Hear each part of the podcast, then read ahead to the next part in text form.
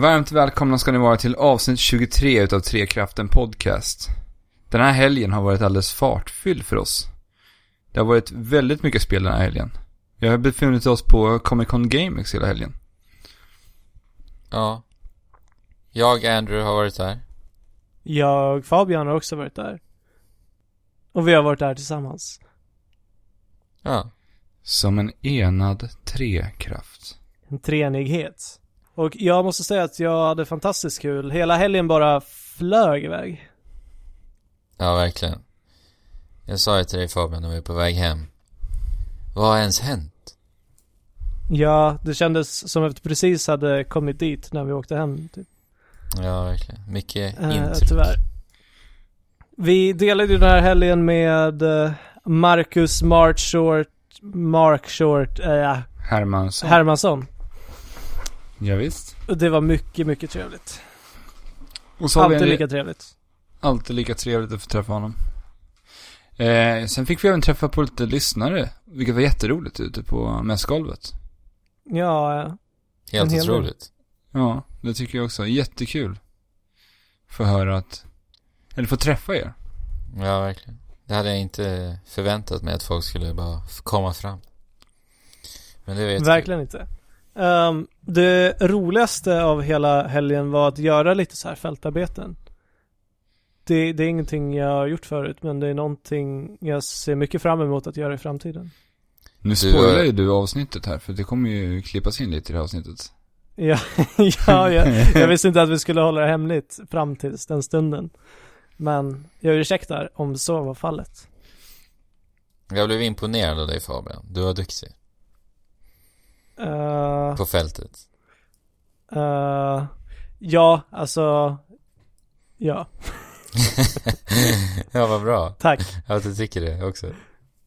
Nej, jag, jag tycker inte riktigt det. Men eh, det är en första gång för allting och nästa gång kan bara bli bättre. Ja.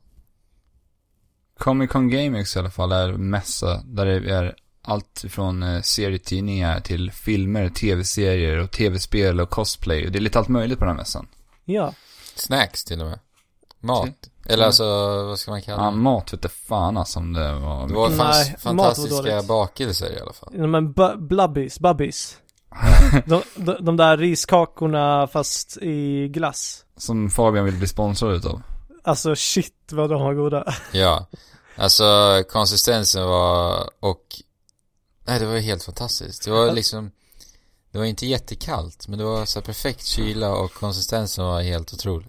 Ja, alltså uh, så här, ni vet, det är aldrig skönt att bita i glass. Jag har aldrig tyckt att det är skönt att bita i glass. Eh, men de här blir du tvungen att bita i, men det gör ingenting för att eh, det här rislagret gör att det inte kyler allt för mycket på tänderna och sen så medan du tuggar på det där rislagret så bibehåller den ändå smaken av glassen så att det blir lite ja, som tugglass liksom. Och sen hade den ju något lag, yttre lager också som var en annan typ av konsistens emot, eh, emot mitten då. Va? Ja, den är Ja. ju, den, den har ju, det är ju inte bara glass. Nej, utan det är nej jag menar ris. rislagret. Det är nog rislager som är de, Är det inte det jag snackade om? Jo, ja, men jag visste inte att det var ett rislager, då lärde jag mig Nej. det nu. Ah, ja. Sådär Ja. ja. Nu snackar vi inte om eh, de här, eh, de heter Mocky. Is Ice Mocky heter de. De hav- Is hawaiianskt, hawaiianskt eh, glassverk. Ah, ja. Men- det vill jag se mer av i mitt liv. Eh, ja, men, Men, sponsor, eh, maila oss på Trekraften podd om det är någon som jobbar på Bubby så kan du få sponsra oss. eh, ja, men vi begav oss i alla fall ut på mässgolvet och pratade, ställde tre frågor till våra lyssnare som kommer att följa här. Och den första frågan som vi ställde till dem var Varför väljer ni att besöka Game, Comic Con GameX? Um, alltså jag har alltid velat åka till de riktiga stora Comic Cons så jag tänkte då måste man börja någonstans. Och sen så, ja men jag älskar lite allt möjligt.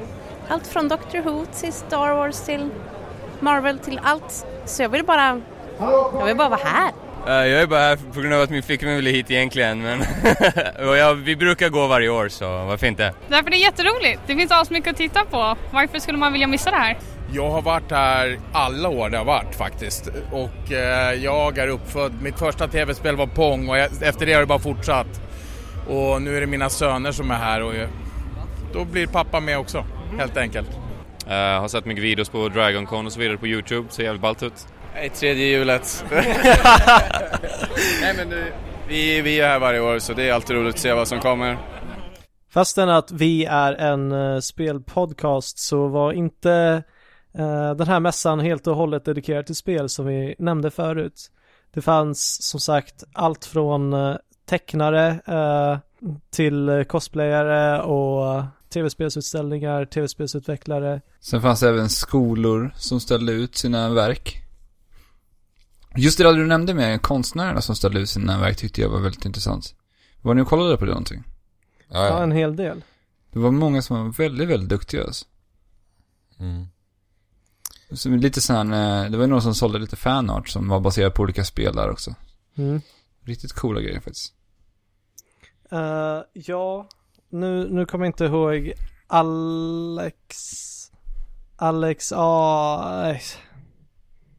Det var någon tecknare som var jätte, jätteduktig Som jag tittade Ja just det, på. men jag kommer ihåg, du gick ju och norpade lite visitkort där också. Ja o- Orutinerad som jag är så har jag inte visitkortet här vid mig Det, man har ju inte alltid alla visitkort med sig jämt och ständigt. Nej, Så jag skulle nog inte kalla dig för orutinerad. Alltså nej, men när, när jag ändå var på väg att nämna det så kanske jag borde ha haft koll på Liksom, ja. Det var väl bäst det som var orutinerat. S- Sen så fanns det en, även en hel massa mm, föreställningar, föreläsningar. Ehm, jag, jag och Andrew var bland annat på en eh, panel, en frågepanel med två skådespelare från tv-serien Game of Thrones, Och hur var det då? bland annat. Ja, det var fantastiskt. Jag tyckte det var riktigt, riktigt kul.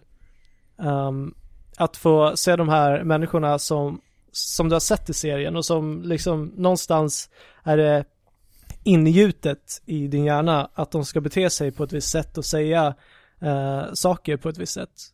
Men att se dem här som människor eh, snarare än skådespelare var helt fantastiskt.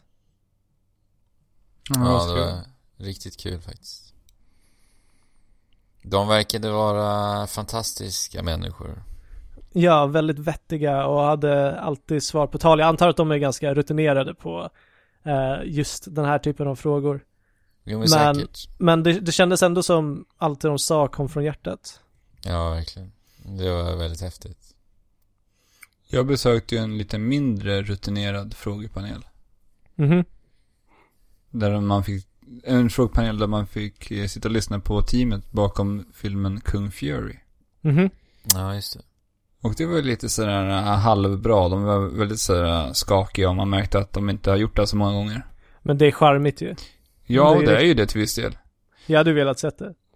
det. Men jag tyckte ändå att det vart bra. Och det var ju så himla tur för att publiken var ju ändå så himla peppade och ställde mycket frågor. Och det var lite det som räddade hela panelen.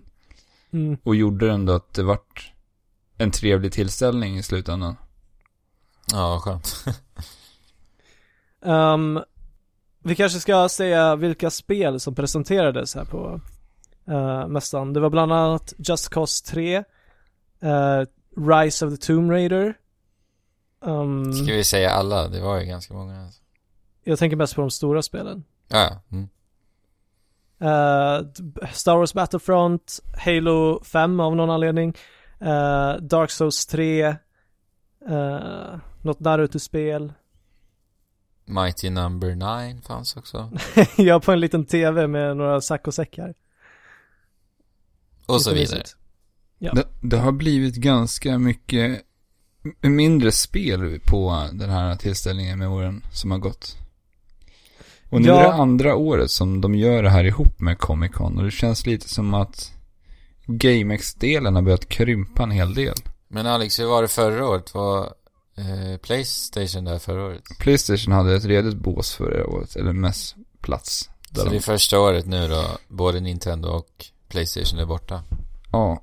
Förra året Tråkigt. visade de ju faktiskt det här Until Dawn Ja, ja, okej. och eh, Bloodborne. Mm. Det fanns också alltså. Mm. Ja, det var tråkigt att de har försvunnit faktiskt. Ja, det var ju en av de sakerna som vi saknade på mässan. Men det var inte frågan som vi frågade eh, folk på golvet härnäst. Utan det var, vad har varit bäst på den här mässan än så länge? Cosplay-tävlingen var bra. Det var kul att se. Och sen bara gå omkring och se alla som har samma intresse. Det är oftast det är bara att få njuta av eh, stämningen. Så det var allt. Ja, jag vet inte, jag gillar ju um, DICE, ja, de är här. Det är, alltid intressant att se vilka spel de kommer ut med. Stor DICE-fan och ja, vä- väldigt stor Star Wars-fan också. Så väntan på Battlefront, eh, ja. Det vet jag faktiskt inte. Det är alldeles för svårt att välja på. Jag vill se alla som är utklädda. Nej, inte direkt. Jag tycker det är kul att cosplay-grejen har vuxit så enormt så typ varannan är utklädd och så. Jag tycker att det skulle kanske få en egen plats. Jag tycker det var bättre när det var GameX och Comic Con blandat. Det här blir för stort och för gyttrigt och för mycket folk på en och samma plats. Eh, det var nog han, uh, vad fan heter han, Rolo från eh, Vikings var rätt ballt. Nej men det är bara kul att vara här. Skön atmosfär. Vad tycker ni har varit bäst på mässan? Som sagt, den där eh, Game of Thrones-panelen var väldigt, alltså, det, det var en annorlunda upplevelse som jag inte varit med om tidigare. Eh, och, och jag brinner ju så starkt för, för den här bokserien och eh, i förlängningen tv-serien också. Eh, från George R.R. Martin. Men annars så var det jättekul att se först och främst, som många, som många här säger också, att det, det är så mycket cosplay. Ja, Och de att har blivit, det- det de liksom har blivit har så växt. duktiga. Ja, det är jättemånga superba utstyrslar. Ja, det, det är jättekul att det kommer till Sverige. Alltså, även, även fast här, det här konventet inte är någonting i jämförelse med eh, vad det kanske är i England eller i USA naturligtvis. Eftersom att vi inte ens är lika många, men att det ändå har blivit någon typ av kaliber i det i alla fall. Jag har ju varit på. GameX sen det startade, vad är det nu, Mm. fem eller sex år sedan. Och hela den här cosplay-delen, man ser verkligen för varenda år som går hur pass mycket bättre alla de här cosplayerna blir. För ett första året minns jag att det var väldigt så här, tafatta cosplay, så man gick och tittade lite konstigt och bara vad är det här för löjlig kostym liksom. Men Ja. nu är det ändå så här kostymer som man verkligen ser att de har lagt ner tid och energi och sin själ i. Vilket är otroligt kul att se. Jo Vad- men till och med han, hon, eh, Jaja han, som är en av världens mest kända, största cosplayare som jag förstår det, eh, besökte till och med den här mässan och var med och bedömde cosplay-tävlingen här Ja. det här året. Ja, just det. Bara det säger ju en hel del. Ja, det var jättekul Eh, att se det här faktiskt. Men annars så tyckte jag det var kul att se att så otroligt många nya utvecklare, eh, som du nämnde där, från, eh, från olika skolor så vissa är independent, att de visar sig Ja, öppet. att de får komma ut och flera av de här projekten ifrån skolorna har ju visat sig växa fram och bli ett eget, eh, eget spel och ett eget bygg, by- de skapar sina egna nya företag på de här skolprojekten. Mm. Vilket är ganska häftigt att se hur de liksom så här direkt från skolan kan bara jobba vidare på de här projekten. Ja, Få komma ut och visa upp dem. jo, men många är verkligen jätteduktiga. Men även så här projekt som, som inte liksom är lämpade riktigt för eh, att spelas med en handkontroller med mus och tangentbord. Eh, till exempel jag och Andrew testade ett spel där man skulle pumpa upp en ballong och skjuta på varandra. En luftballong. Eh, och då, då använder du en så här vanlig cykelpump som du pumpade för att komma högre upp och så här och sen så var du tvungen att sluta pumpa för att du skulle sjunka i altitud. Eh, och sen så vickar du på den här pumpen allt medan du ja, skulle hålla dig i rätt höjd eh, och skjuta på en knapp. Det var, det var roligt att få testa en så annorlunda mekanik. Ja, det var jättekul. Tänk vad kreativa de har varit här va? Ja, verkligen. Och sen så fanns det också en så här sandlåda. Eh, där det var någon typ av skanner och eh, projektor över hela sandlådan. Eh, och den här projektorn och skannern var då kopplad till en skärm på något vis. Eh, där, där hela det här sandlandskapet renderades upp på skärmen och sen så var det en som skulle spela som en karaktär i, i den där världen och fånga eh, olika saker. Eh, och då var man tvungen att samarbeta att en skulle bygga världen, eh, alltså um, ösa på med sand på de ställena så att den här karaktären på skärmen kunde komma upp och ta de här föremålen. Ja, det var riktigt häftigt. Vi hann dock inte prova på det här. Nej, men vi, jag, jag tittade en hel del på det när andra körde det och Mm. konceptet är ju kul. Ja, verkligen. Det passar ju bra till eh, att visa det så här på ett mässgolv. Mm. Det fanns ju flera sådana här tech-demo-liknande grejer. Bland annat KTH som ställde ut ett augmented reality-spel också. Mm. Som man spelade med sina mobiler för att lysa ner på ett bord. Som gjorde att karaktärerna, om man spelade på ett runt bord, så skulle man putta ut varandra utanför bordet. Och sen kunde man lägga fram olika föremål på det här bordet så att de kom upp i 3D genom eh, mobiltelefonen då. Som man Ja. spelade med. Sånt där är jättekul och det, det har vi sett. På 3DS har vi sett det också. Och lite augmented reality. Men det Ja, dog absolut. ut ganska snabbt också. Men, men, det, men det finns ju något så här spel som handlar om att, som, med en basketboll med augmented reality på eh, smartphones redan idag. Mm. Jaså? Så jag tror, jag tror att det där, ja det, det- är ju en gimmick liksom, men jag, jag tror att vi kommer få se mer av Ja. sånt. Bara Vi- För att det är coolt och det är lättillgängligt på telefoner. Och vi har Alltså- ju Pokémon Go på gång. Och vi har Pokémon Go på gång. Ja. Men alltså första gången jag provade det på 3DS. Alltså det var så himla häftigt tyckte jag. Ja. Jag visade en massa folk i skolan hur det var. Och de bara, men det där kan inte vara på riktigt. Bara, jo. Ja, det var riktigt coolt. ja. Men eh, testade vi några spel överhuvudtaget? Det gjorde vi. Jag eh, provade på Mirror's Edge, eh, Catalyst. Och jag är så avundsjuk. Och det var ju du som vi tyckte att jag skulle gå före. Ja. Tack för det, men Tydligen så dög inte våra presspass för att komma före. För att få prova de här spelarna. Så vi fick stå och köa. Och då var Ja. det ändå som, Fast Andrew fick komma före, tränga sig före ändå till slut. mm, precis. Eh, och hur var den upplevelsen? Det var fint. F- Först fick man sitta i ett rum och eh, vänta i två minuter för det var en sån här nedräkning med lite schysst musik. Det var dock eh, ganska härligt att vänta de två minuterna för att just musiken var väldigt, väldigt bra. Det är ju Solar Fields som gör musiken till Mirror's Edge Catalyst också. De Mm. gjorde det första spelet med och jag älskade musiken i första spelet så det var lite trevligt. Eh, sen fick man kolla på en video som varade i cirka en kvart när de berättade om spelet och allt visste jag redan såklart. Så det var lite tröttsamt men eh, sen fick man äntligen spela lite då. Och det var 13 minuter om jag inte minns helt fel. Och då fick man lära sig snabbt kontrollerna lite och sen eh, springa fritt i den här staden. För Mirror's Edge Catalyst är ju en öppen värld helt enkelt. Yes, och det är väl det största med det här att parkour kanske lämpar sig ganska eh, mycket bättre än många andra spel Mm. i en öppen värld. Precis. Och det fanns tre uppdrag man kunde prova på i den här öppna världen då, som man eh, befann sig i. Och det jag upptäckte direkt var ganska häftigt var att när du på kartan markerar ett uppdrag i det här spelet så får du inte upp en waypoint eh, på samma sätt som i många andra spel.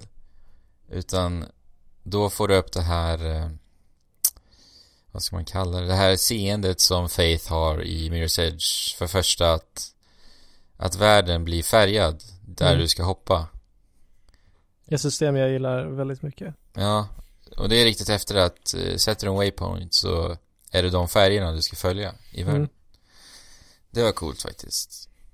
Eh, Men eh, uppdragen var väl kanske inte jätteroliga. Det var ju lite speedrun-grejer, lite trials och man ska hämta någon grej och leverera den dit och så vidare. Jag är lite, kanske en aning orolig över att det ska vara mängder och sånt där. Men Mm. ja, vi får se.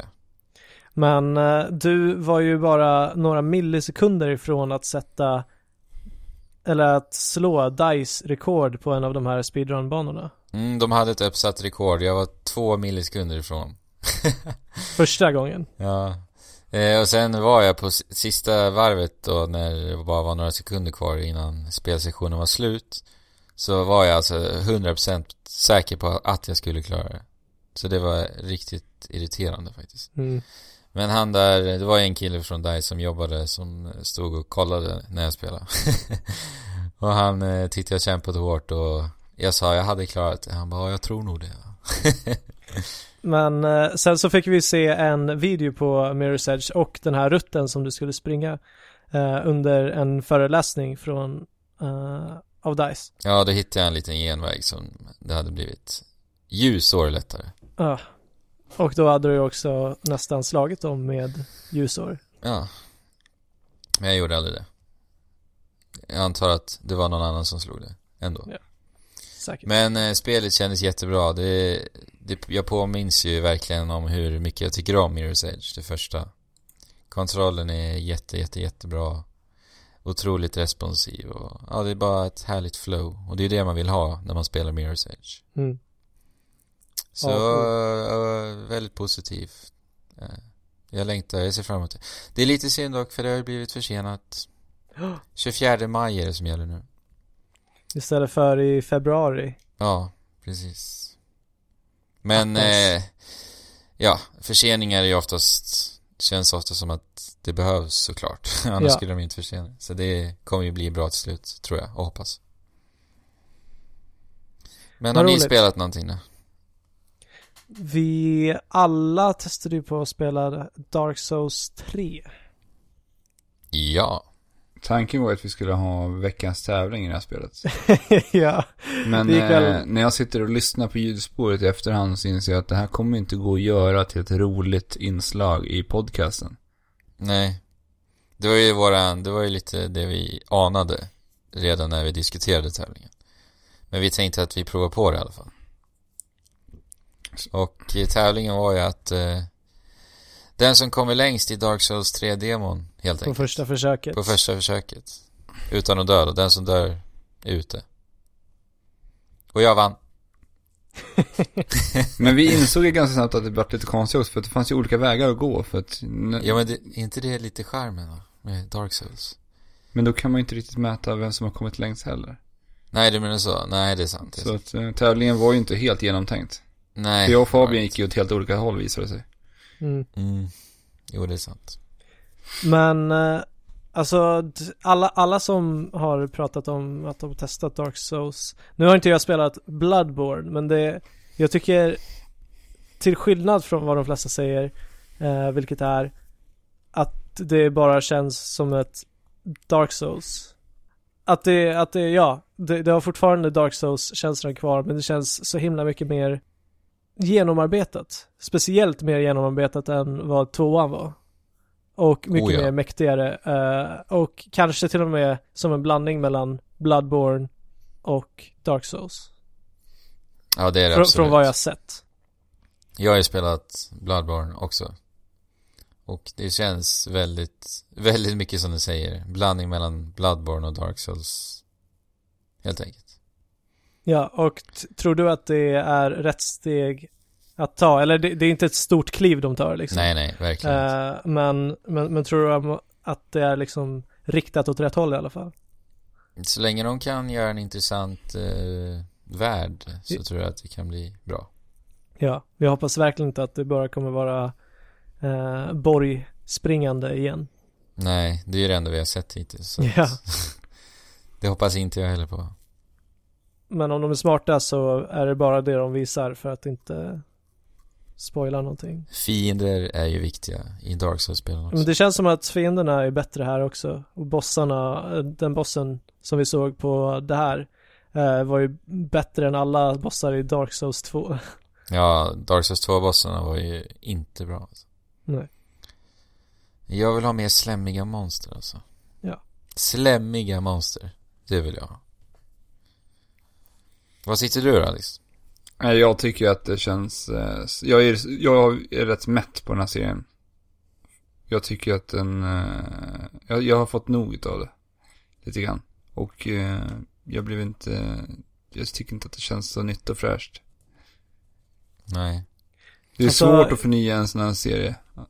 Men jag tycker att man skulle, det känns som att Dark Souls 2 kom så pass nyligen. Jag hade gärna sett att man väntar tag med det här.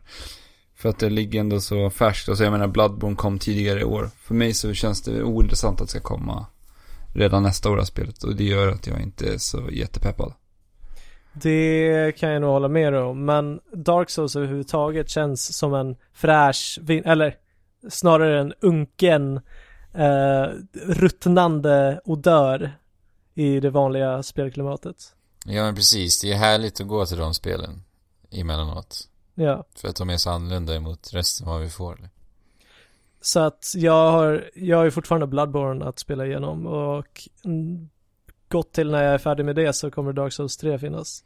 Men det, jag, jag, älskar att bara hoppa in i de här världarna. men det jag längtar till mest i Dark Souls 3 är ju multiplayer-läget. För att det var ju inte alls bra i Bloodborne. Så jag hoppas att det är minst lika bra som det är i Dark Souls 2. För det var riktigt bra i 2 Mm. Det ser jag fram emot. När kommer det? April. Stod det på de där stora planscherna. På golvet va? Ja. Ja, sen spelade ju du och jag Rise of the Tomb Raider också, Fabian. Ja, det gjorde vi. Spelet som jag eh, bojkottar. Alltså det här, eh, vad tyckte du? Så jag, jag hoppas för deras skull att den här versionen inte, inte är ett utdrag från den färdiga versionen. Om det är det, då är det ju... Då, jag vet inte, då är det nästan spelbart det här spelet. Ospelbart det här spelet. Ja. Eh, men, eh, men nej, jag, jag blev inte direkt så mycket mer taggad på det. Vi kom in där och sen så fick man se ett långt intro som skulle depikta hur, hur man kom dit man var och sen så skulle du skjuta på några lådor för att lösa lite pussel och kontrollen var helt vedervärdig. Det var nästan omöjligt att sikta om du inte tog det i snigelfart. Men det är ju samma syndrom som eh, Assassin's Creed eh. Det ska vara så otroligt cinematiskt och animationerna ska vara så häftiga så att det, fin- det finns den där fördröjningen helt enkelt. Alltså, jag känner inte av det i första Tomb Raider. Nej, inte jag heller. Så, så det, men då sp- spelar jag ju till dator. Jag vet inte hur det lämpar sig på konsolversionerna alls. Nej men just Rise of the Tomb Raider så var det ju inte bra alltså. Nej. Ja men sen, sen när man siktade Då var det ju en, alltså den fördröjningen var ju he- helt otrolig alltså. Ja. Det, jag hade problem att sikta liksom. Jo men man, man var tvungen att bara, ja, ta det i snigelfart. Uh, Ja. Var väldigt, väldigt försiktig med högerspaken. Men det, det känns så mycket som en Uncharted-kopia. Ja. Det gjorde det första också, men det var, det var okej för att det, det kändes ändå som att de var på väg till någonting annat med ett nytt kon, eller med ett gammalt älskvärt IP. Ja alltså jag, jag gillar inte alls atmosfären i Rise of the Tomb Raider. Jag tycker inte, det, vi har ju sagt det många gånger förut Ja. men Det funkar ju så mycket bättre all, Hela jargongen i Uncharted-serien. Ja, verkligen. Och i Tomb Raider vill man ju ha mystik och action. Ja. Här är det bara action. Ja och det blir liksom löjligt. Ja. Ja, nej jag, jag varit inte alls imponerad av den demon faktiskt. Nej. Jättetråkig, det var ju inte pussel. Det var ju tryck Nej. på, om du trycker på, eh, vad var det, RB så får du en sån här survival instinct så lyser du vart du ska. Ja. Men Så det det fanns ju tryck- redan i första spelet också. Ja, men det fanns det. Så det var bara att trycka på RB och sen följa det som lös. Alltså det är så tråkigt. Det hade varit bättre om de hade låtit pussel vara pussel. Ja, så, så att om precis. du kommer till en till en plats där det är designat att vara ett pussel så kan du inte använda den där survival instinct till exempel. Det hade varit mycket bättre. Eh, vi testade ju på uh, Mighty Number 9 också och jag vet inte om det är något syndrom på den här mässan. Eh, Ja, det verkar så. att allting har fördröjning. Du, du kommer prata lite senare om Mega Man 2 som har snortajt kontroll. Ja. Eh, och Mighty Number 9 är alltså Megaman-pappan som gör ett nytt spel. Ja. Men eh, han har inte, det verkar inte som på den demo vi fick testa på Mighty Number 9 som att han har tagit med sig det han borde från de tidigare delarna i serien. Nej, det roliga är att jag hade ju inte spelat Mega Man innan jag spelade det här. Men eh, att gå ifrån den här demon vi fick spela till Mega Man var ju helt fantastiskt. Jag förstår det, men med Number 9 det var så otroligt irriterande när han skulle eh, prata hela tiden. Ja, Han, han skulle säga på något kaxigt, typ kaxig jargong typ av vis massa coola saker. alltså, ja så tråkigt. Och jag gillade inte alls jättetomma miljöer tyckte jag. Otroligt eh, ointressant. Fiendedesignen var riktigt tråkig också tycker jag. Jag gillar inte alls den där designen överhuvudtaget faktiskt. nej, vi får se om det blir annorlunda till släppet. Påminner mig lite om Sonic till Dreamcast. Den designen. Påminner, ja, får lite de vibbarna. Ja. När jag ser Mighty Number 9. Nej, det var ingen höjdare va? Alex, vad tyckte du var bäst på mässan då? Det jag tyckte var bäst på mässan var att träffa alla människor där ute på mässgolvet. Ja, såklart. Det var underbart. Det var inte jättemycket intressanta spel för min del faktiskt. Som jag kände att jag var så sugen på att testa på. Så In- då in- fanns ju faktiskt folket där. Som eh, lyfte den här mässan och gjorde någonting värdefullt. Sen tycker Ja. jag ju att det personligen är väldigt roligt att gå och kika på de här mindre projekten. Så att jag sprang mest runt ibland eh, och tittade på indiespel och sånt där. Och lite skolprojekt och provade bland annat ett spel som hette Pavilion. Ja, Som just var det en, det- det- en det- tredje, det- nej vad säger jag, fjärde persons pusslar-äventyr. Där man styrde ett liten, eh, som ett litet, man skulle kunna säga att det är som en ande. En liten prick liksom, där du styr runt medan karaktären i spelet går per automatik. Du som den här pricken eller anden eller vad det nu är ska interagera med omgivningarna för att lösa pussel så att den här figuren som ständigt rör sig framåt kan ta sig förbi olika hinder på banan. Mm. Och den här, det som lockade mig till det här båset var framförallt den, det estetiska i spelet för det såg otroligt häftigt ut. Det ser ut lite som en, som någon slags eh, tavla. Mm. Jag gillade verkligen designen. Och, eh, nej, det var, det var ett intressant spel. Lite väl lätt i början av demot. Men längre in i demot så vart det lite mer utmanande och krävde att man tänkte lite mera. Och jag pratade även med utvecklarna bakgrunden och de säger att det ska vara ungefär två månader bort till släpp. Så att Okej. Ja, okej. vi får hålla utkik och se vad det blir av det här spelet Pavilion. Snygg logga hade de. Mm, hade de. Ja. Mina ögon drogs mot den. Vad släpps det till? Det, de skulle börja med att släppa det till Steam i alla fall. Sen hade de PS4 som tanke. Va? Okej.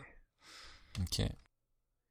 Kill. Men sen så ramlade du och jag Fabian över ett spel som, eh, som vi, som hette Adventure on Clover Island. Mm. Så vi bestämde oss faktiskt för att ta en liten intervju med dem. Det gjorde vi. Och jag tror att vi täcker allting eh, i intervjun, mer eller mindre.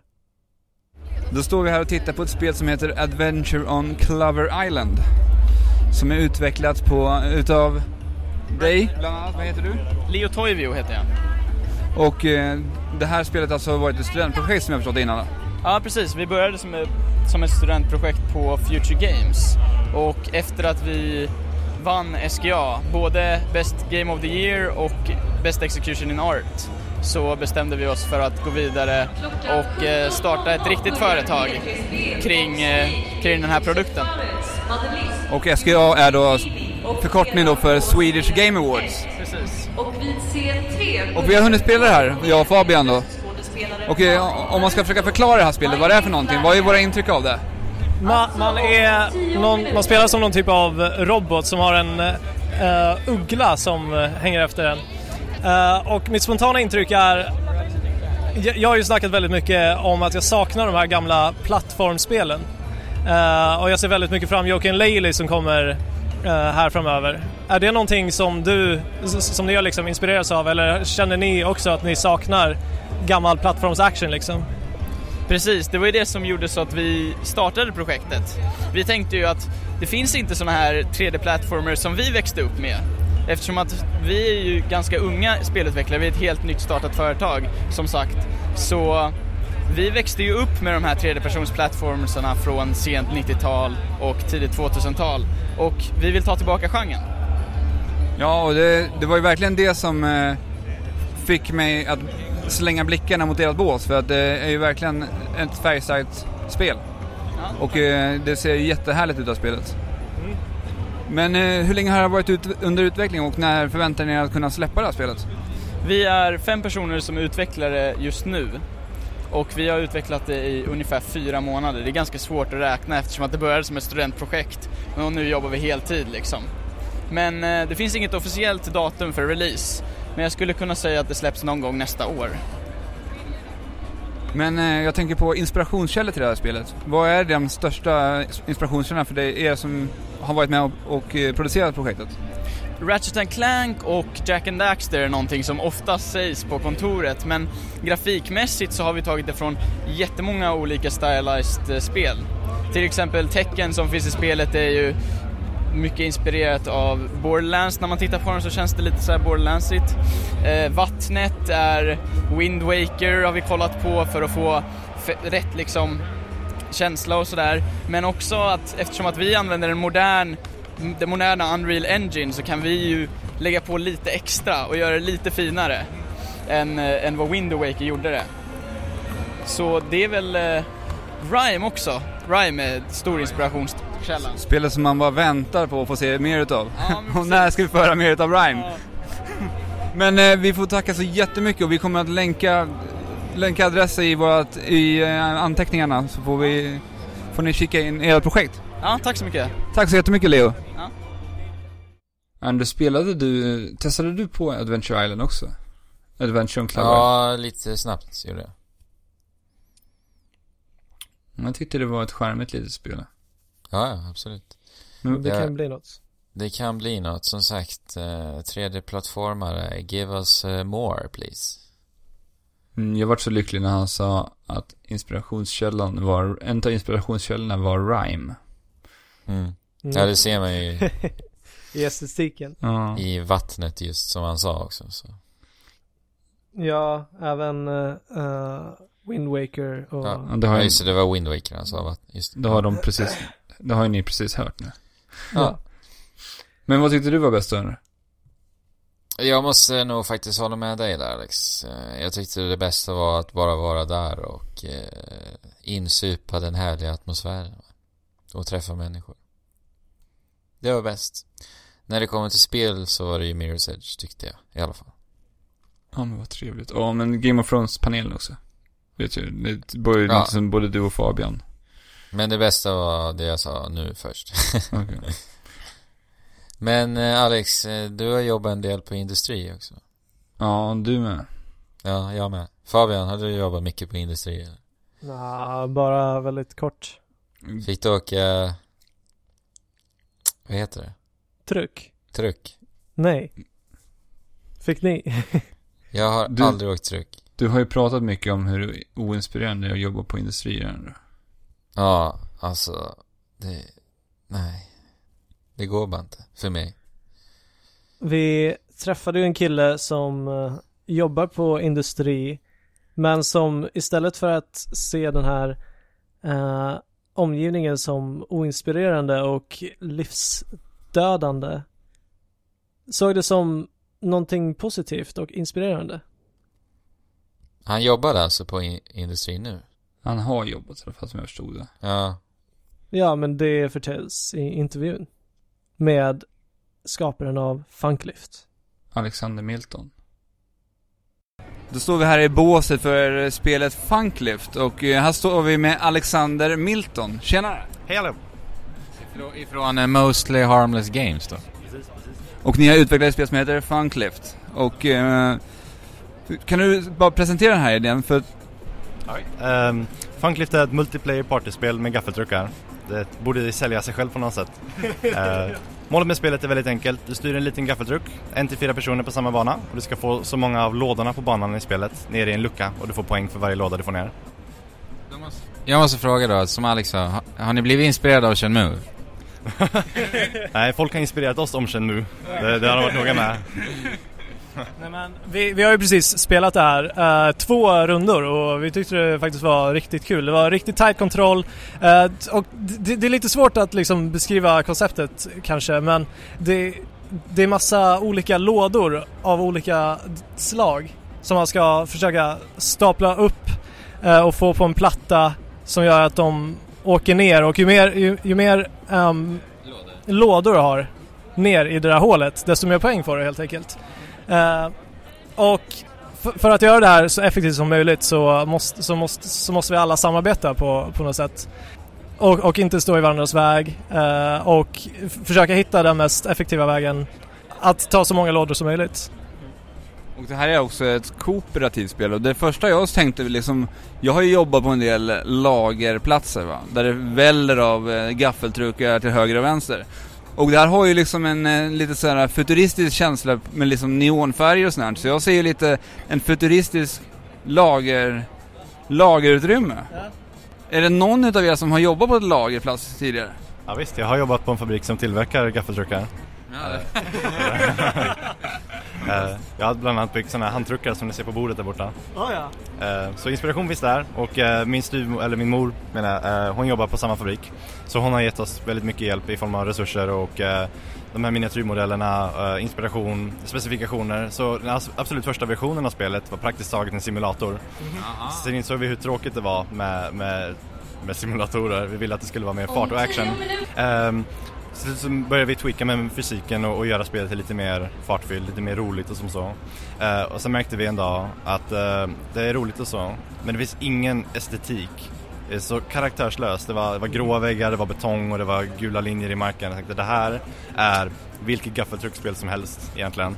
Eh, så därför tänkte vi, vi behöver ändra på det här. Så vi bombade idéer och så kom vi upp med Funklift och tänkte alright, vi blandar funk och techno, två olika sfärer, den klassiska 70-tals discokänslan, eh, ljus, neon och färger och sånt. Puls, pulserande equalizers. Eh, och så lite modern techno, stål, polerade ytor, metall. Eh, slänger ihop de två och så, och så bara gör vi vad som, vad som känns bra. Och så blandar vi in de här schyssta mekanikerna. Det har ni verkligen lyckats med tycker jag. Kul att du tycker. Men eh, hur länge har ni arbetat med spelet? Vi har jobbat sedan april i år, så lite drygt ett halvår. Det är ett studentprojekt då. Det- Allting började som del av en kurs som togs vidare till en sommarkurs tillsammans med Microsoft, ett samarbete. Eh, och nu jobbar vi kvällar och helger, typ varenda ledig minut vi har. Eh, så att vi ska kunna bilda bolag i vår. Och ungefär när planerar ni att släppa spelet? Vi hoppas kunna släppa det i vår, någon gång mars-april 2016.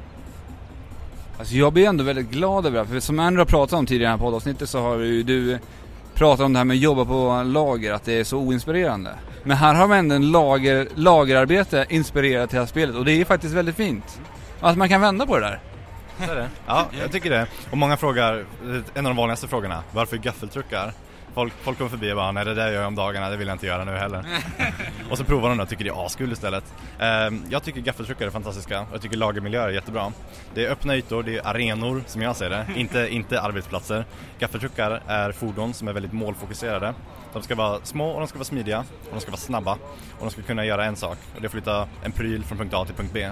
Det låter för mig som ett spel. Så jag tänker inte ens längre på det. Det är klart gaffeltruckar är en spelmekanik. Eh, medan andra tänker, jaha, smart gaffeltruckar, det har jag inte tänkt på. Ja, här har vi en kille som, eh, som ser det mest positiva på allt i livet och det tycker jag är helt underbart. Så om ni vill spela med riktigt fräcka gaffeltruckar som ni inte fått se i tidigare spel så ska man spela Funklift alltså. Yes, det tycker jag. Och eh, vill man veta hur det går för så kan man följa oss på twitter.com slash funklift, reddit slash r slash funklift och eh, facebook.com slash funklift. Och även gå in på vår hemsida, obviously funklift.com, för att ladda ner en demo. Vi kan även skriva in givetvis. Sista avslutande du vill eh, säga till lyssnarna? Ska vi säga att eh, man ska sluta se på normer i spel. Alla de här trenderna som finns, industriella och i småskala, eh, de betyder inte så mycket. Man måste se på vad som är kul i spel och, och liksom följa det som är, det som är vackert. Eh, Vi gillar att applådera i Trekraften. Ja, jag förstår. Tack så mycket. Ja, jag, jag tror på att man ska bryta trender och normer. Eh, det gäller på alla olika dimensioner av industrin och kulturen. Eh, och på så vis uppnå en, en, en spelkultur som, som spelar för glädjen av spel, passionen i spel. Så som vi utvecklar, någonting som vi tycker är kul och, någon, och vi försöker ge någonting som andra också kan skratta och le åt. Eh, ge tillbaks och, och, och, och ta tillbaks. Och att man inte tappar det fokuset, för spel handlar om så väldigt mycket. Men nöjet ska alltid finnas i mitten, det måste vara kärnan i spel. Eh, så att man, man, man tittar efter det och man uppskattar det. Ja, spel ska ju vara kul, det är därför vi spelar. Jag tycker det. Tack så jättemycket. Tack själv.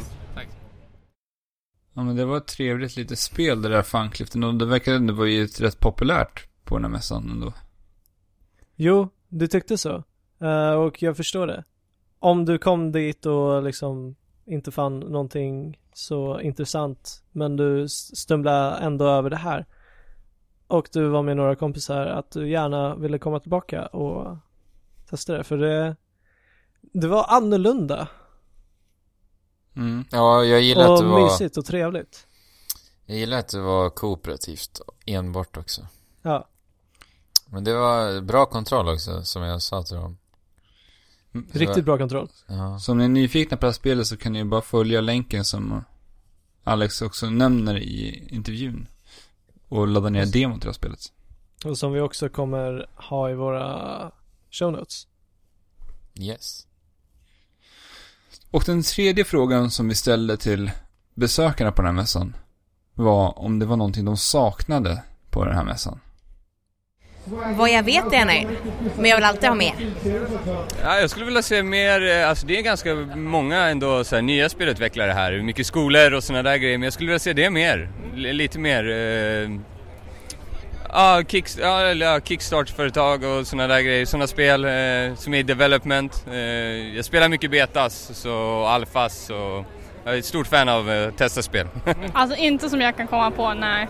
För det är så mycket som man tittar på redan så man typ hinner inte riktigt tänka så här, ja jag skulle vilja se det. Utan det var så ah såg du det, såg du det, såg du det? Så det var så, så nej. Ja, faktiskt. Eh, Det finns inga parkeringsplatser whatso fucking ever utanför. Ingen vet någonting. Allt är en stor byggnadsarbetsplats. Det finns ingen schysst att käka här inne. Eh, Nej, alltså ja, det räcker så. Uh, nej, det är väl att få testa det nya Mass Effect-spelet, men det är ett bra tag innan det kommer ut. Jag vet inte, det, jag tycker det är bra som det är nästan. Alltså det kan ju alltid bli bättre men man får inte vara girig. Vad saknade ni på Comic Con GameX i år? Playstation nästan- och Nintendo. Ja, det har vi redan sagt, uh, mer eller mindre. S- som ni vet så, så såg jag väldigt mycket fram emot att kanske få testa Playstation VR. Men fick jag det? Nej, för Sony var inte ens där. Nej, och det var så sorgligt. Och Fabian gick och grät. Så var den sagan slut. Nej, men jag tycker att det är allmänt tråkigt att det känns som att spelen får mindre och mindre plats. Ja, det är tråkigt faktiskt. Ja, verk, verkligen. Jag, jag måste nästan ta reda på vad som ligger bakom de här besluten. Jag tycker att det är väldigt märkligt med tanke på att här spelvärlden konstant växer och intresset för spel växer hela tiden. Och att man inte ger det lite mera utrymme tycker jag är- känns väldigt märkligt. Men tro, tror ni inte att det kan vara så att Microsoft har mutat både Sony och Nintendo att inte vara på den här mässan för att de ska promota sin eh, bästa games lineup in history? Svårt att tro det, men Nej. Eller så känner sig bara Playstation och Nintendo inte hotade. Ja, men nej, det är, det är märkligt. Alltså. Det. Men det, det kan vara så bara så enkelt att det inte ens är lönsamt för dem att bege sig Ja. till en sån här liten mässa Ja. i Sverige. Men förmodligen är det så. Men det är ju tråkigt för det finns För ju oss. många fans där ute av både Nintendo och, och Playstation som Om gärna skulle så- gå hit för att spela deras nya spel. Jag måste ju credda Microsoft om det är så. För att de tar sig dit då. Mm. Ja. Ja, ja, verkligen. Eh, det, det hade blivit ödsligt tomt utan Microsoft där. Ja, verkligen alltså. Då hade det knappt varit några spel alls. Så eh, vi hoppas att åtminstone de håller det, den här streaken till nästa år. Och hade inte nästa år. Microsoft varit där, då kanske inte Master Chief hade varit där heller. Nej, kanske inte. Vi träffade ju Master Chief på det här golvet. Han är alltså tillbaka efter spelhistoriens största jakt. Och vi bytte några ord med honom. Framför oss så har vi ehm, en jätte... Vad säger man? Um, verklighetstrogen Master Chief. Eh, verkligen otroligt fin kostym. En battle rifle. Med en battle rifle till och med.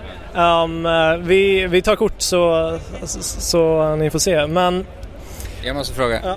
Jag vill gärna fråga, hur känns det att vara tillbaka från spelhistoriens eh, största jakt? Det känns riktigt bra faktiskt att hitta hit. Vägen hit, det var hit att komma efter den. Det Ja, känns... precis. Direkt till Stockholm. um, har du varit med på de här cosplay-tävlingarna? Jag har ju missat dem tyvärr. Nej, nej, jag är inte här för att tävla. Allt. Det är bara för kul. Ja. Eh, riktigt fin. Hur lång tid har du, eller hur länge har du cosplayat? Kan vi börja med att fråga. Nej, det, jag skulle säga sen förra året kanske. För halloween som jag la ner lite extra tid. Och sen i år så vart det lite, lite överstyr. Ja, det är en väldigt ambitiös dräkt. Hur lång tid ungefär tog det att göra den? Det är svårt att säga men jag började i våras. Så att det är ett halvår till och från liksom. Ja, ja. Jättefin verkligen. Eh, Ja, den är extremt, extremt bra gjord alltså. Verkligen. Tack så hemskt mycket. ehm, vad, tänkte du göra något speciellt med den nu eller är det bara dagen till ära? Ja, dagen till ära, spelet till ära när femman nyss släpptes. Så jag har varit borta såklart och spela och ja, kötta lite som man säger. Eh, Har du själv i spelet eh, gått igenom den här jakten? Än? Femman har jag inte hunnit spelat ut än. Jag började tjuvstarta. Det, de sista dagarna har gått åt att göra klart det här. ja, man får ju prioritera. Men du, ha ett riktigt bra Halo 5-äventyr. Tack så hemskt mycket. Och ha en riktigt bra Comic Con. Detsamma, detsamma. Tack så jättemycket. Tack, hej. Så. Så kramade vi honom och sa, sa att han hade världens snyggaste outfit. Men frågan är, om det är, det, frågan är om det är sant.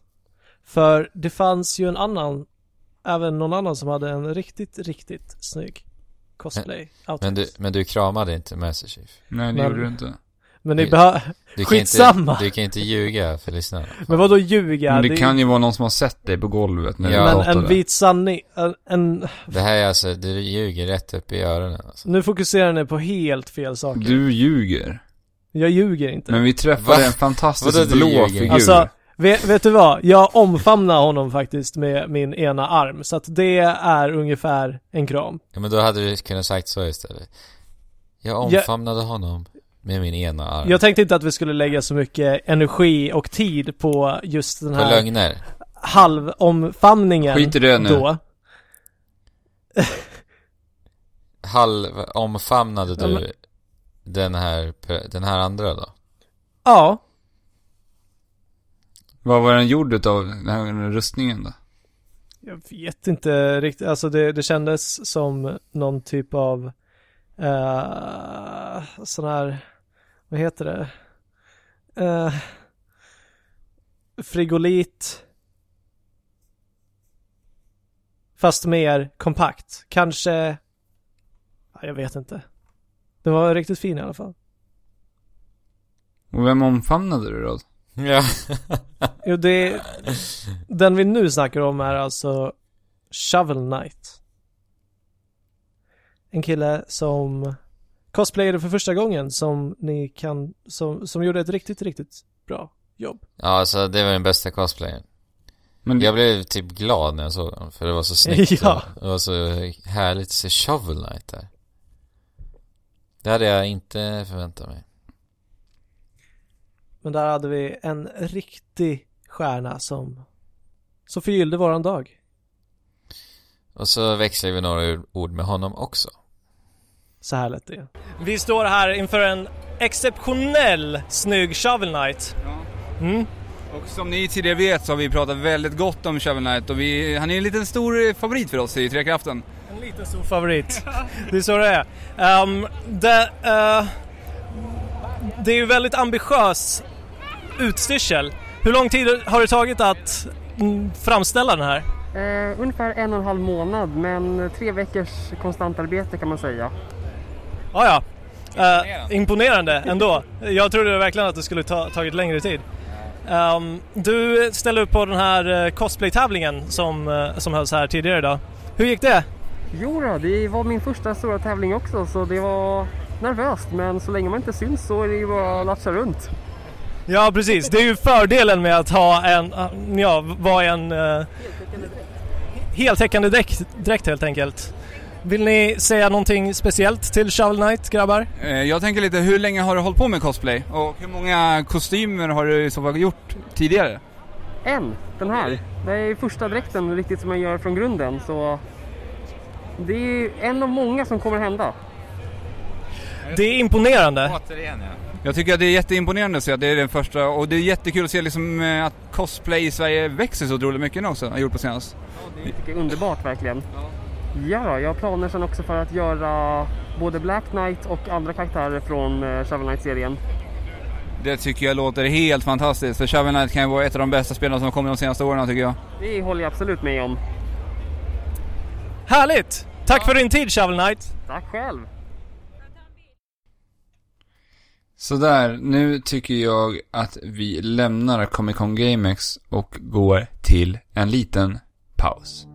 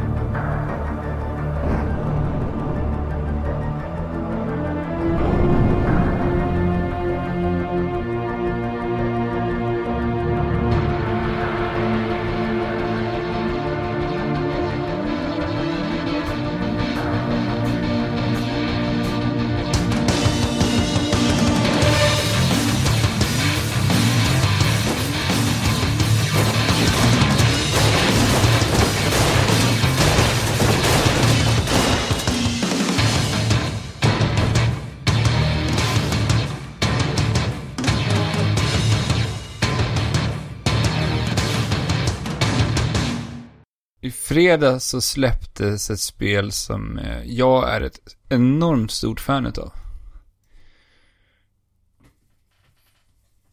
Mhm.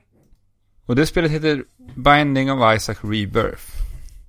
Släpptes förra året och det är väl en, eh, en, eh, vad ska man säga, en uppdaterad version av det först tidigare bara Binding of Isaac. Det är annorlunda rent estetiskt och sen så finns det en hel drös massa nya items och några nya bossar så visst. Även musiken är ju helt nykomponerad till det här spelet. Binding of Isaac i alla fall är ett typ av roguelike spel Det utspelar sig på, i samma, samma utförande som Zelda. Tänker Link to the Path, man, man går in i olika dungeons, olika rum för att ta, ta sig ner, ja man tar sig igenom de här rummen. Och för varje spel, inte- vad sa du? Är det inte typ i källaren på deras hus? Alltså? Alltså spelet Jo. handlar ju om, spelet är ju så att mamman har ju, hon är, det, det har lite så här religiösa undertoner i det här spelet.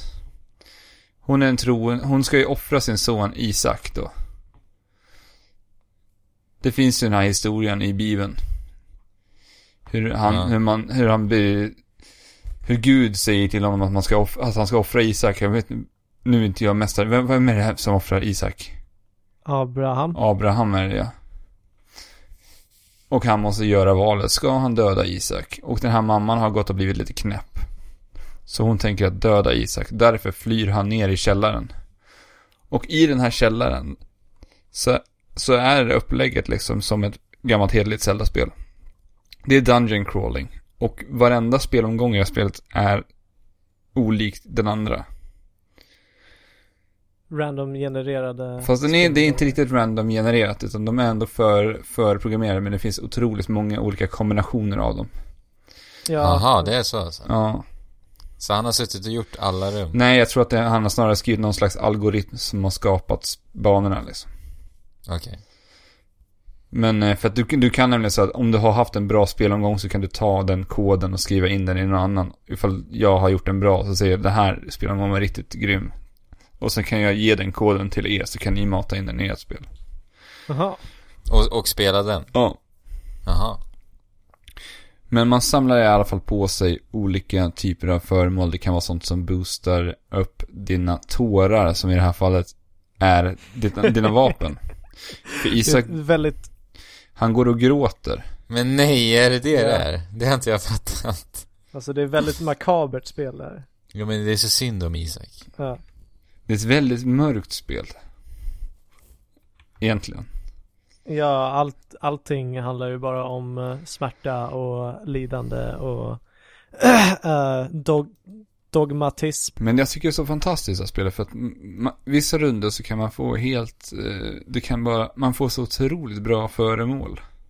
Man kan, och, och känna, alltså det, det är det här belöningen och, och få de här bra sakerna och bara ta sig längre och längre ner i källaren. Det är väl lite det som är tjusningen med roguelike. Är det inte så? Jo, Jo, i mångt och mycket. Jag har ju fortfarande inte spelat ett roguelike. men jag tycker Men du borde verkligen börja med Binding of Isaac i så fall. Binding of Isaac är i mitt tycke det absolut bästa roguelike-spelet jag har spelat. Men all, alltså grejen är att det finns så många roguelike och alla säger olika vilka som är bäst. Så det är så här, jag vet inte vad jag ska välja. Men Spelunky är ju väldigt eh, hyllat. Mm, jag har ju spelat Spelunky också, men jag håller det här som starkare ändå. Alltså det som tilltalar mig mest estetiskt, det är ju Galaxy. Utan tvekan. Så det är jag mest sugen på just nu. Ja, jag får se. Alltså jag, jag har spelat det här nu varje dag sedan jag köpte det i fredags. Och du har spelat det varje dag för några år sedan också. Ja. Ja, jag spelade, jag spelade det första spelet också. Och även när det kom till PS4. Men det gör sig så himla bra på 3DS som plattform. Och just det, man ska säga att det här finns ju bara på den nya 3DSen. Så det går inte att spela på era gamla 3DSer. Men om ni har en ny så är det en stark rekommendation. Men Eh, Och när de säger ny, alltså nu då. Nu Ja. 3DS. för att vara lite tydlig. jag tycker att det är märkligt att man, eh, att, den, att det är begränsat på det sättet. ja, det, det är inte så omfattande att det inte skulle klara Nej, alltså absolut inte. 3DS. Så att det där är bara ett fult drag. Ja. Ja, verkligen. Och det är lite tråkigt för jag tycker att ändå fler ska kunna ha tillgång till att få prova på det här äh, fantastiska spelet som det faktiskt är. Ja, men dels eller det, det känns väldigt mycket som att de flesta som köper det till sitt nu 3DS är de som redan har spelat det och köpt det till någon annan plattform. Men så behöver det absolut inte vara.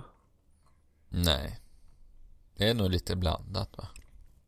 Men har ni inte spelat Binding Isaac så tycker jag definitivt att ni ska prova på det om ni gillar den här utmaningen. Och det är lite som det är i det här som, alltså ni gillar ju Dark Souls båda två. Den här utmaningen, spela med försiktighet hela tiden.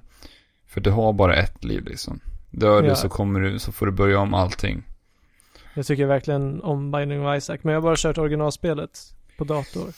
Men det som är så roligt är att det finns så otroligt många slut i det här spelet också. Så när du klarar det första gången, då låser du upp flera nya slutbossar.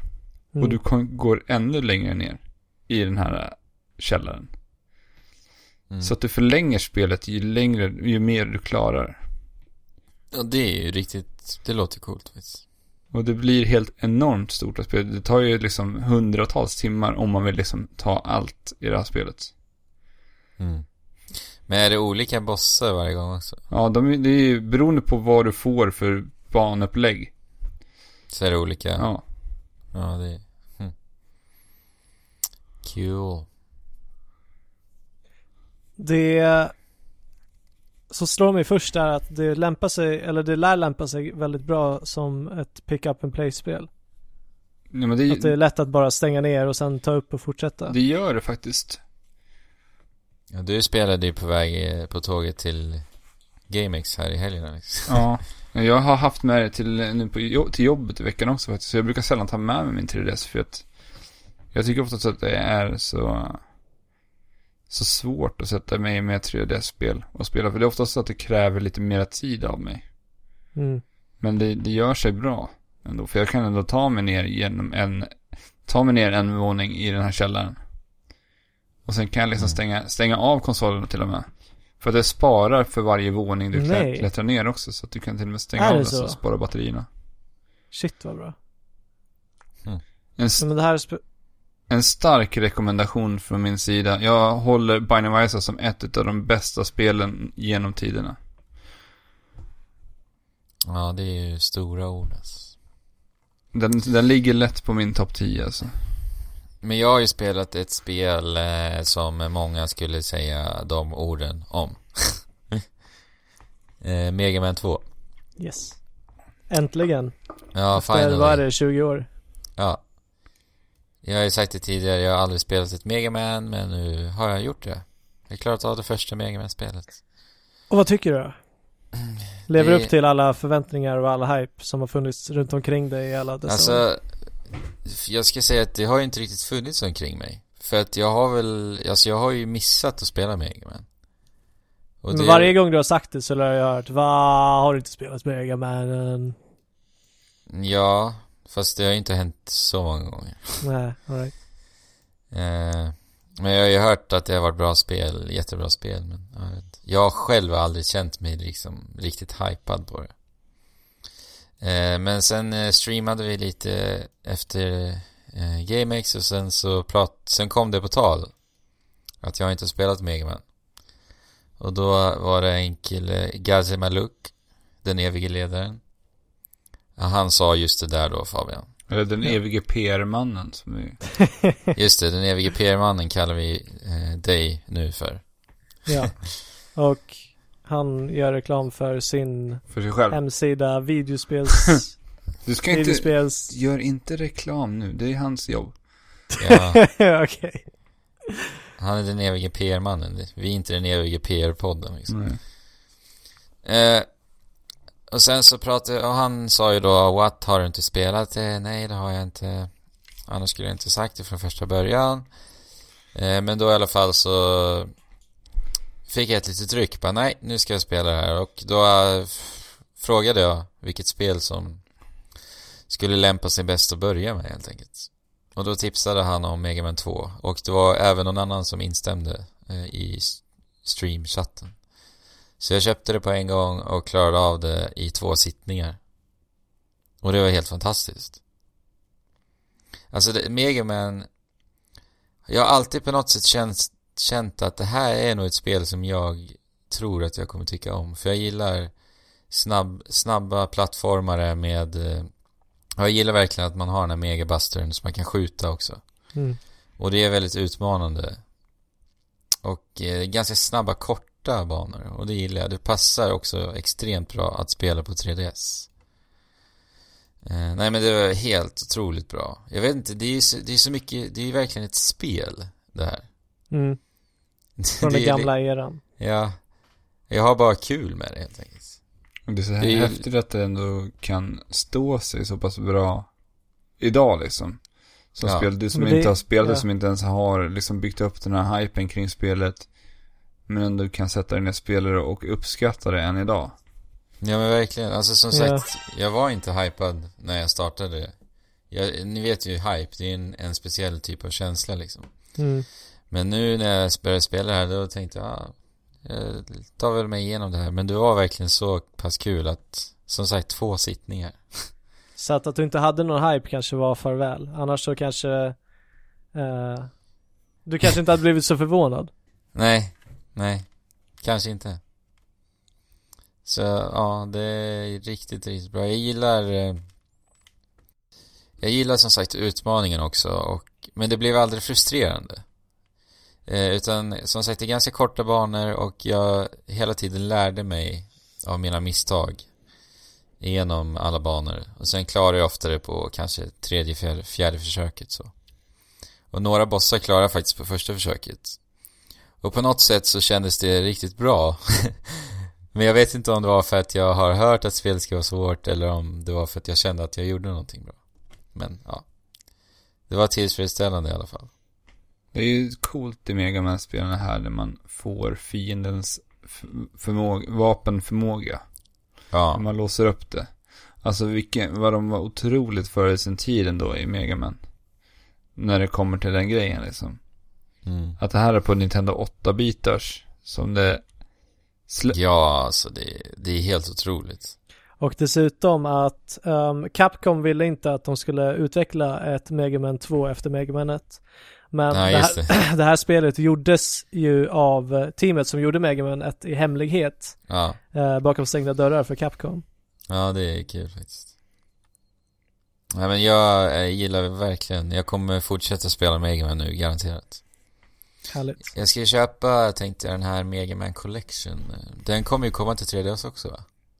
Jag har ingen Vid koll ett på senare det. tillfälle har jag för mig. Det kan vara så faktiskt. För att det vore ju härligt ändå att få hela skärmen nu, utrymme. Men eh, den innehåller inte X-serien väl?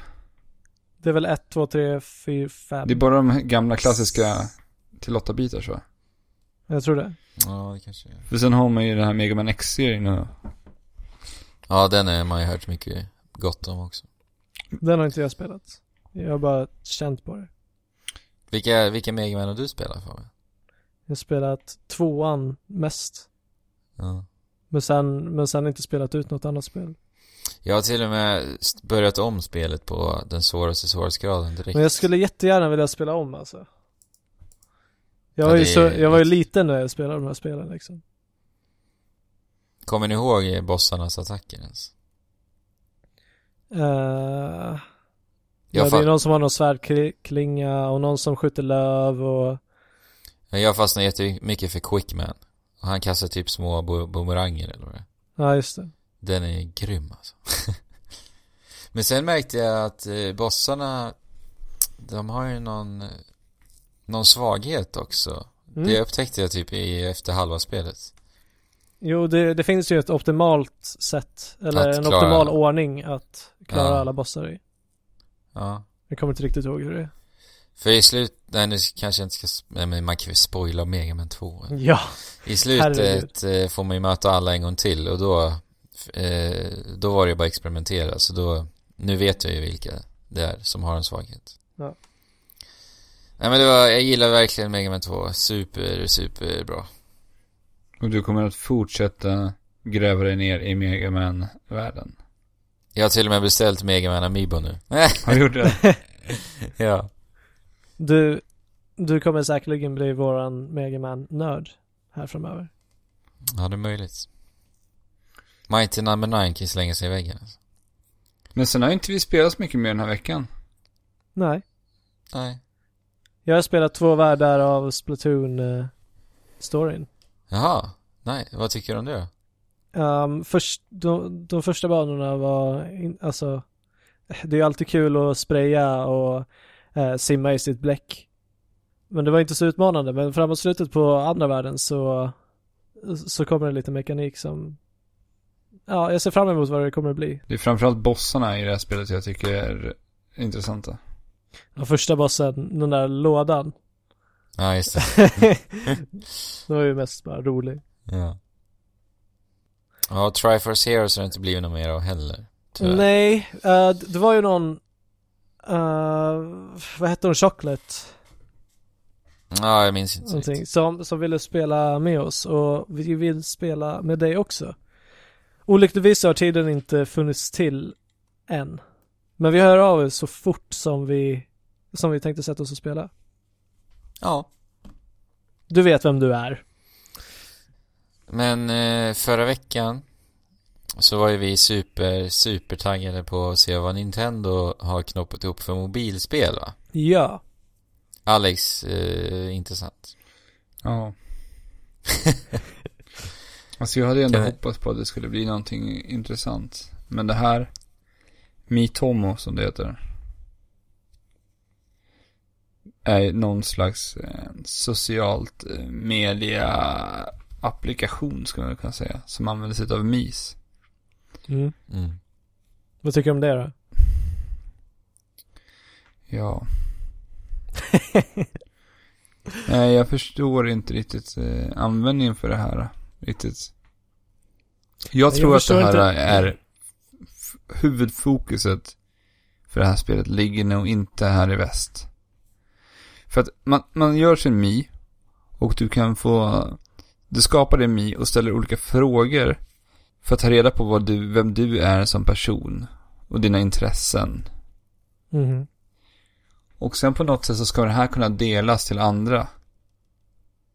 via den här appen då. Så man kan få byta information med varandra. Ja. Alltså den här informationen om... Alla de här frågorna man svarar på. Ja. Kan, kan du ha någon typ av direkt in, interaktion med de du möter på? För att det här funkar lite som ett street pass fast för mobilen. Mm, Intressant. Jag tror att det är något sånt där det ska fungera på. Ja, jag förstår inte. Jag får lite Tomodachi Life-vibbar. Ja, det är ju lite det. Men, Och det passar ju till mobiler ändå, kan jag tänka. ja fast det är ändå inte Tomodachi Life på det sättet. Nej, nej jag vet, jag vet inte mycket om det. Men alltså, ja. Blir ni skeptiska till eh, Nintendos mobilsatsning i och med det här? Nej. Nej, det blir jag inte. Inte jag, jag tror att de kommer göra någonting som är faktiskt är lite mera gameplay av framöver. Jag tror att det här är jag tror att det här spelet kommer fungera i Japan. Ja, men det är ju väldigt gulligt. De, de sa ju att det här eh, spelet var främst gjort för blyga människor som har svårt att komma ut. Det är jättefint. Eller och, och prata med honom, för att få dem att prata Ja. och kommunicera med andra människor. Ja, Ja, men precis. Alltså, alltså de tänker ju på, uh, i och med det här, på den delen av befolkningen som, som kanske har lite svårt.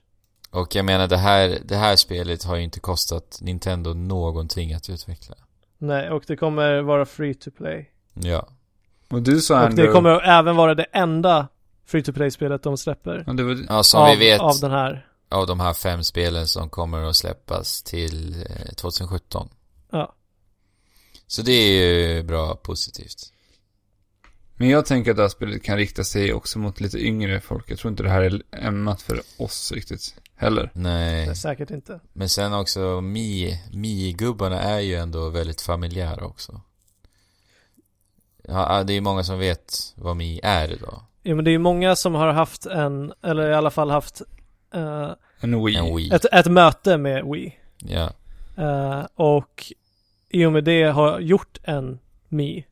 Ja. Så, så att det, det är ju smart att de satsar på Mi som alla känner igen, eller som en väldigt stor del av västvärldens befolkning känner igen. Ja. Så det är ett, ett bra, snabbt sätt att eh, komma ihåg Nintendo, helt Ja. enkelt. Men de visade upp det här under det här mötet med deras investerare. Och då berättade de även lite andra grejer också. Som, My Nintendo. ja just det. Kan du berätta lite mer om det Andrew? Ja, det är eh, Nintendos nya Club Nintendo kan man säga. Ersättaren, helt enkelt.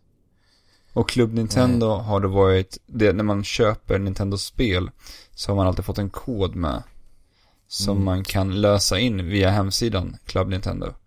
Ja, olyckligtvis inte här i Sverige. Nej, bara för att vi Någonsin. är ju, vi har ju en egen distributör av Nintendo-produkter. Precis. Och därför har inte... Det har varit, det är helt otroligt för det har varit så frustrerande när man har köpt Nintendo-spel förr i tiden. När Ja. man fick de här Club Nintendo-korten så står det på svenska, grattis. Ja. Det är ju helt sjukt faktiskt. Och sen, sen så går du in på sidan eh, och bara kollar på alla fantastiska prylar som du kan Ja. köpa med de här poängen. Ja. Men sen när du, så kan du inte registrera dig eller lösa in koderna eller vad, vad det nu är. Jag kommer inte ihåg. Men eh, Ja, alltså, det är helt sjukt. Ja, hur som helst så eh, hoppas vi att det blir ändring på det nu. Det vore ju helt osannolikt om det här inte kommer till Sverige. ja. Nu i alla fall så heter det My Nintendo. Eh, och då kommer du alltså kunna använda eller du gör ett, du skapar ett konto eh, i Nintendo account som det heter. Och det gör du genom att använda antingen ditt Nintendo Network ID, Facebook, Twitter eller Gmail. Fantastiskt. Eh, och då är det alltså din My Nintendo. Och det kommer fungera lite på samma sätt. Att du får poäng när du köper spel. Men den stora nyheten och det som jag tycker låter helt fantastiskt. Det är att du också kommer få poäng när du spelar spelen. Mhm. Och det beror också på hur mycket du spelar spelen. Eh, och med de här poängen så kan du köpa nya spel, lite merch eh, och så vidare. Och sen finns det tydligen någon form av discounts du kan få, några rabatter. Eh, och till och med också om du fyller år och det visar sig att du har en historia av Pokémon-spel säger vi. Så kan du också få rabatter på din födelsedag på just Pokémon-spel. Nej, vad fint. Ja. Eh, och sen kan man även få eh, utlösa poäng i, i, på theme parks, movie theaters också. Eh, har Då- de sagt. Då kanske vi samlar upp oss en buffert tills när vi drar till Universal Studios Nintendo-land. Ja. Alltså det här låter helt fantastiskt. Eh, och just att du får poäng genom att spela spel. Ja. Innebär det här att Nintendo är på väg in i achievement-världen? Ja, men det blir väl lite deras svar på achievements på ett sätt. Som det låter i alla fall. Alltså om Jo, men det är så. Att du om får... det är så. Ja. Då kommer du fastna Alltså, jag är ledsen, jag är ledsen alltså men jag kommer vara tillbaka. Jag kommer vara tillbaka. Ja, men med de, med, det, här- med de här pengarna kan du faktiskt göra någonting. Ja. Eh, och Nintendo säger basically spela Nintendo så får du spela mer Nintendo. Ja. Alltså min dröm har ju varit att ha achievements i Nintendo-spel ända sedan jag fick den första eh, achievementen i Oblivion på Xbox 360 liksom. Mm. Men nu också att få poäng där du kan faktiskt få någonting för det. Ja, få någonting rent fysiskt också. Mm. Ja. Nej, jag hoppas att det låter för bra nästan. Ja, det blir spännande att följa det här. Sen när de berättar lite mer ingående exakt hur det kommer fungera. Mm. Jag tycker det är ett snyggt namn också. My Nintendo. Enkelt och bra. Mm. Beskrivande. Ja. Men sen är det så härligt att man äntligen, äntligen kommer ha ett account för alltihopa. Som vi har väntat. Mm. Nintendo verkar ta rätt vägar för en gångs skull vad gäller cybervärlden. Ja. Jag hoppas att de, har, de fortsätter med det va? Får hoppas att vi inte blir besvikna på Nintendo maner. Ja. Men sen har Activision gått och köpt upp King också. Mm. Mm. Hur mycket? 5,9 miljarder. Det är helt sjukt! Alltså ska jag dra en jämförelse? Ja. ja. Star Wars eh, Disney köpte Star Wars för 4 miljarder. Va? Oj. Ja. Är det Alltså det är, ja det är helt sjukt alltså. Men fatta då hur stort det här, deras spel ändå är och hur mycket pengar de lär generera alltså. Ah, ja, alltså de omsätter ju hur mycket som helst. Eh, men, Men- men men- själva studion kan ju inte vara så himla stor. Alltså jag, vet- jag har faktiskt ingen, inte en enda aning om King. Jag vet ju att. King genererar mer pengar än vad DICE gör i alla fall. De är ju, de är ju de som genererar mest pengar bland spelföretagen i Sverige i alla fall. Ja, vi ska kanske säga att King var de som lanserade Candy Crush. Ja, och äger. Candy Crush. Bland annat. Men en annan intressant jämförelse är Minecraft. Eh, Microsoft köpte Minecraft för 2,5 miljarder. Oj, Men alltså- oj, oj, shit. Det, det får mig att förlora hoppet på, på spelindustrin. Lite. Ja, faktiskt lite. Candy Crush är ju ondska, helt enkelt. Alltså det är ett så banalt spel men som tilltalar så ofantligt många till den grad att de är beredda att lägga ner mycket pengar på det. Men Candy Crush är ju verkligen ett spel som förstör spelvärlden. Ja. Så är det ju. Ja, fast det, det får ju finnas och det finns.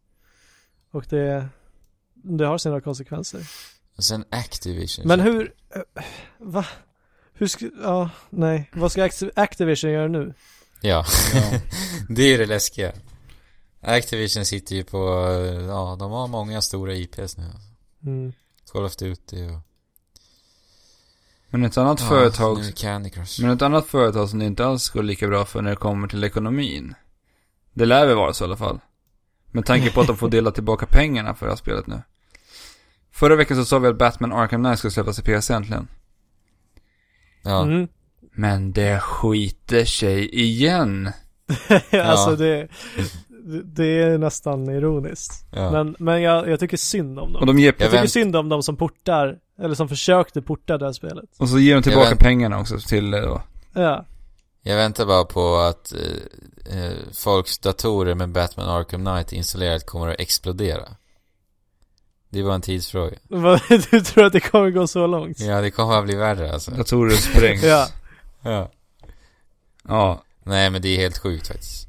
Så att, eh, har du köpt Batman Arkham Knight någon gång, det spelar ingen roll när du köpte det, så har du möjlighet att få tillbaka pengarna ända fram till årsskiftet. Även om Och man har även- klarat spelet eller? Ja, ja. Vill du ha pengarna så får du det. Eh, och eh, även om du har köpt Season Pass. Ja. Så får du tillbaka de Vilken pengarna. jävla miss alltså. Ja. Men det är ganska bra information. Ja. Ja. Fortsätt ni följer på vad som hände med Batman Arkham Knight i PC. Mm. Alltså jag, den här nyheten skrev jag upp för att jag eh, saknar lite de här spelen. Micro Machines har blivit utannonserat till mobiler. Mm. Och då kommer jag att tänka på ett spel som heter Ignition. Okej. Minns du det? Ja. Det är Var inte det svensk? Ja, svenskutvecklat. Minns inte jag vem som ligger bakom det här nu. Nej, inte jag heller riktigt. Men alltså sådana bilspel, top-down bilspel är så himla kul tycker jag. Och jag har inte haft ett bra på jättelänge. Fast det var ju något till eh, Playstation 3 har jag för mig som var ganska kul. Ja, just det. Vad heter det nu? Jag kommer inte ihåg riktigt. Men jag blev så glad när jag såg Micro Machines så bara, jaha, det var visst till mobiler. Men verkar det funka bra till mobiler? Jag har inte ens Jag- jag tror- kollat. Ja, alltså mobilspel är så intressant. Speciellt, eh, nej jag, jag tror absolut inte att det kan funka bra. Man vill ju ha en kontroll när man spelar bilspel liksom. Mm. Men det var väl egentligen den här veckans nyheter. Ja. Vi har fått lite mail den här veckan också som vi tänkte läsa upp. Yes! Väldigt roligt. Tackar så jättemycket för mailen.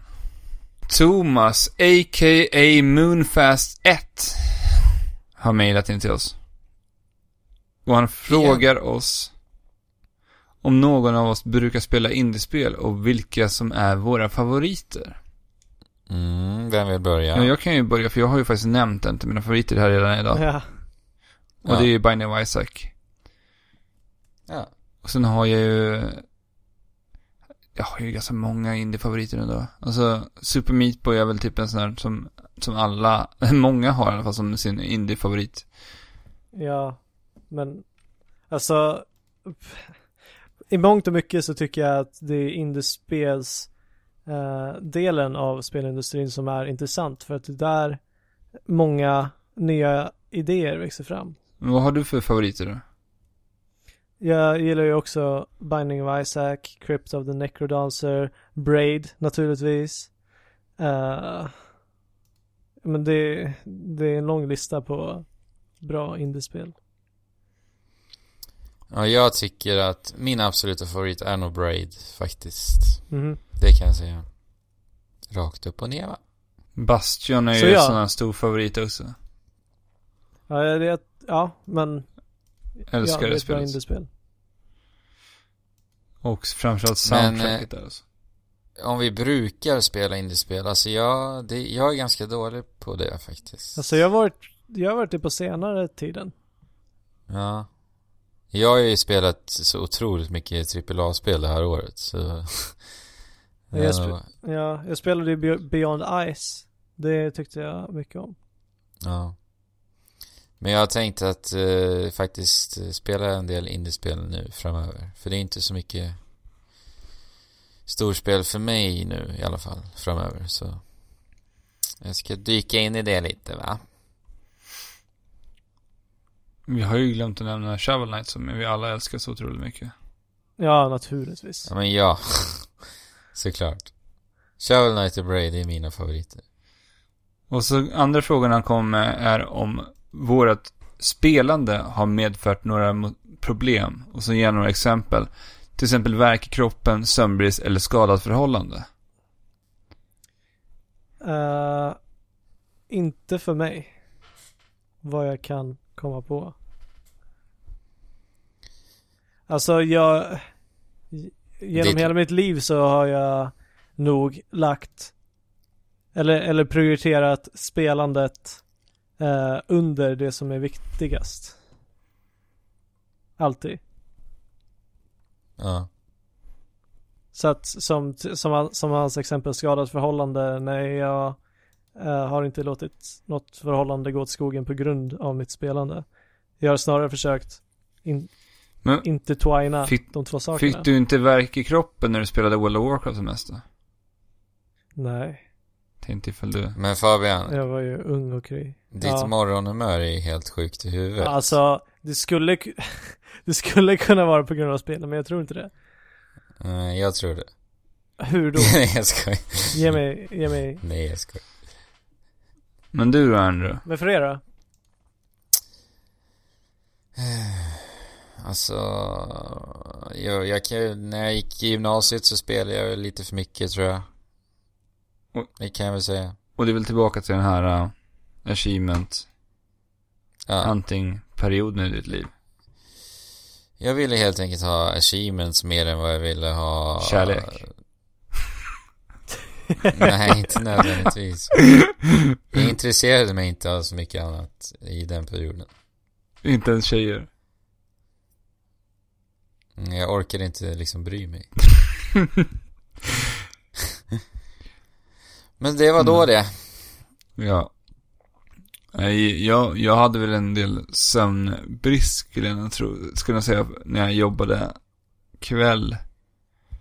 För en sån här sex, sju år sedan. Ja. När vi spelade Halo och COD 4 som allra mest. Du hade sömnbrist då alltså? Ja, jag förstörde hela min dygnsrytm alltså. Men det var ju liksom, jag jobbade kväll och det enda sociala livet jag hade var om nätterna. När jag spelade ihop med alla som spelade. På Xbox live liksom? Ja, när jag körde COD 4 då. Och då satt jag liksom uppe, jag kom hem vid 12 liksom, sitter uppe till 4, 5. Och så skulle jag dra till, gå upp och dra och jobba vid, vid 12, vid, nej jag tror det var vid 1 eller 2 den gången. Gick försökte vi gå upp vid 12, men det gick ju inte alltid. Så att jag Ja. mådde ju riktigt jävla risigt alltså. Men det var ju kul, jag hade ju kul om nätterna. För vi var ju liksom ett, eh, vi var ett redigt gäng som satt och spelade hela nätterna. Och det var en fantastisk tid på det sättet. Men, men det sabbade lite min, min dygnsrytm och... Ja. Ja, men alltså naturligtvis så har spel många gånger fått en att sitta uppe eh, några timmar längre än vad det egentligen har, borde, borde göra. Jo ja, det har hänt. Men sömnbrist är lite radikalt. Alltså det blir inget problem. Men alltså värk i kroppen har jag ju också fått. Men det har ju liksom inte varit långvarigt så. Jag har ju liksom fått ont i ryggen för att jag har suttit och spelat eh, i en viss position och så vidare. Men eh, det går ju över snabbt liksom. Det är inget långvarigt. Nej. Det måste ni också ha fått. Annars är ju inte ni människor. Nej, inget, Ja, jag inget jag antar kommer det. på just nu så är det. Ja. Sen eh, fick vi en fråga ifrån Sebastian Estocolmo heter han också, eh, kallar han sig va? Yes. Och han skrev, vilka är era topp fem favoritspelomslag någonsin? Alltså det är en ganska, ja. Alltså den här frågan, vi pratade lite om den här helgen, så det kom fram till det. För vi fick ju det här mejlet förra veckan någon gång. Ja. Och eh, nu är inte jag, nu är inte vi förberedda på det här. inte riktigt. Nej. Men alltså det är, det är så otroligt svårt. Grejen är att man kommer ju glömma bort spelomslag. Det är ju det Ja. som är grejen. Jag, jag kommer inte ihåg spelomslag på spel så. Bara när vi- direkt i huvudet. Liksom. Men när vi ändå har snackat Megaman här så har ju de mm, originalkassetterna väldigt snygga omslag. Vilka tänker du på den europeiska eller den eh, amerikanska? Jag tänker nog på amerikanska. Ja, den, den de, här de med den där fulgubben. mänskliga. Som Ja. håller i pickadollen. ja, nej, det, det var ju eh, bara ett spel där han, där han fick fel instruktioner typ. Där Jag tycker de är, de är otroligt fula tycker jag. Ja, de är ful, jag tycker de är fulsnygga. De är, de är charmiga för att de är så jävla fula. Ja, men precis. Ja. Men de, de ska så här försöka depikta eh, något realistiskt ifrån den där pixliga grafiken. Jag, ty- jag tycker det är så roligt att han inte har sin vet du, ar- armkanon på de här bilderna. Ja. Han håller i en pickadoll istället. Ja men det är Mega Man 1 tror jag. Mm. Ja, jag tror det också. Men eh, jag har ju, alltså, Super Mario Bros 3 är ju ett omslag som är väldigt, väldigt såhär, eh, alltså det bara osar ju bara glädje ur det omslaget. Ja. Ja. Och det, det, det, man kommer ihåg det väldigt starkt. Så jag skulle nog sätta det Nej. som en topp, en topp, en av mina topp bästa, en, en, en av mina favoritomslag i alla fall. Ett Mm. spontant du fick upp nu helt enkelt. Ja. Ja, för, får du upp något snabbt nu Fabian? Som du tycker är... Alltså, jag försöker bläddra igenom lite bibliotek här, men ingenting som jag bara...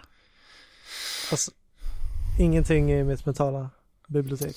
Alltså jag tycker ju. Shadow of the Colossus är Ja, riktigt naturligtvis. Det lyckas eh, fånga en eh, känsla som faktiskt infinner sig i spelet väldigt bra. Ja, verkligen. Och nu snackar vi om de europeiska omslagen, inte de väldigt fula amerikanska. Ja okej, ser de fula ut där? Jag för mig att Shadow of Colossus också är ful. I- Men Ico, Ico är vedervärdigt ful. Ja. Ja, men eh, spontant får jag säga i alla fall eh, Shadow of the Colossus. En annan favorit för mig tycker jag är det här Burnout Paradise. Jag tycker jag har ett väldigt eh, snyggt paketerat omslag faktiskt. Ja, ja. Fabian, kommer du på någon? Fambivalent. Men... Ambivalentian. Jag, jag har ju inte sagt mindre än vad ni gör. Nej, men du behöver inte säga någonting om du inte vill. Eh, vi kommer ju ha en kategori i vårat lilla årets spelavsnitt. Eh, årets snyggaste omslag. Ja, precis. Och eh, ett, eh, en nominering där tycker jag också är ett omslag som är så snyggt så att eh, jag nästan svimmar. Och vad är? Yoshi's, Yoshi's Woolly World. Ja, förmodligen årets snyggaste omslag. Ja, vi får väl se, men Ja. just nu är det absolut det tycker jag. Ja, och det ska ju diskuteras också. Ja. Ja, naturligtvis. Men, men bara att de har, har ställt upp eh, någonting verkligt och tagit en, En bild. regelrätt bild på det. Eh, Ja. Det är någonting jag inte vet har gjorts tidigare än i just Yoshi och Kirby. Nej. Det finns ju en liten YouTube-klipp eh, när de pratar om, eh, ja när de visar helt enkelt scenen som de har tagit bilden Ja, men det är ju fint Mm. ju. Ja. Men eh, jag, jag vet inte om vi ska ha några flera omslag och nämna Nej, nu. vi topp fem, det blir för, nej. Men eh, vi får tacka så jättemycket för de här två mejlen som vi har fått i alla fall. Mm. Absolut, jättekul. Jättekul med mail ju. Ja. Alltså ja. Men vi har också fått en Keep iTunes, coming. iTunes-recension har vi fått också. Av Safarimannen. Safarimannen. Och han Vad var det skrev, han skrev? vi behöver inte rabbla upp vad han skrev. Det var en ganska lång recension, men jag vill Ja. bara säga tack så hjärtligt. Ja, Safarimannen. För de orden var så fina. De slog rätt in i hjärtat. Ja. Och eh, Och ut genom ögonen. ni som lyssnar kan ju jättegärna gå in och eh, lägga en iTunes-recension. Det skulle uppskattas otroligt utav oss. Ja, Det, det är ju en av de sätten som ni kan hjälpa oss att växa på. Ja, Eh, och om, om ni inte orkar skriva en recension så sätt en stjärna, eller två, eller tre, Men- eller fyra, eller fem. Ja. Om du sätter en så hjälper det oss nog inte så mycket. Fem är max i alla fall och det är ju härligt. Och ni som vill mejla in till oss ja, framöver kan göra det på trekraftenpodd at gmail.com. Och sedan finns vi även på Trekraften podd på Instagram. Trekraften Trekraften podd punkt punkt wordpress punkt Kom. Jag tänkte Trekra Trekraften podd Trekraften Men Alltså vad är det som är Driver ni eller? Nej! Trekraftenpodd.wordpress.com Sen på Facebook, Trekraften podcast Ja. Tack för den här veckan, Hej. mina damer och herrar.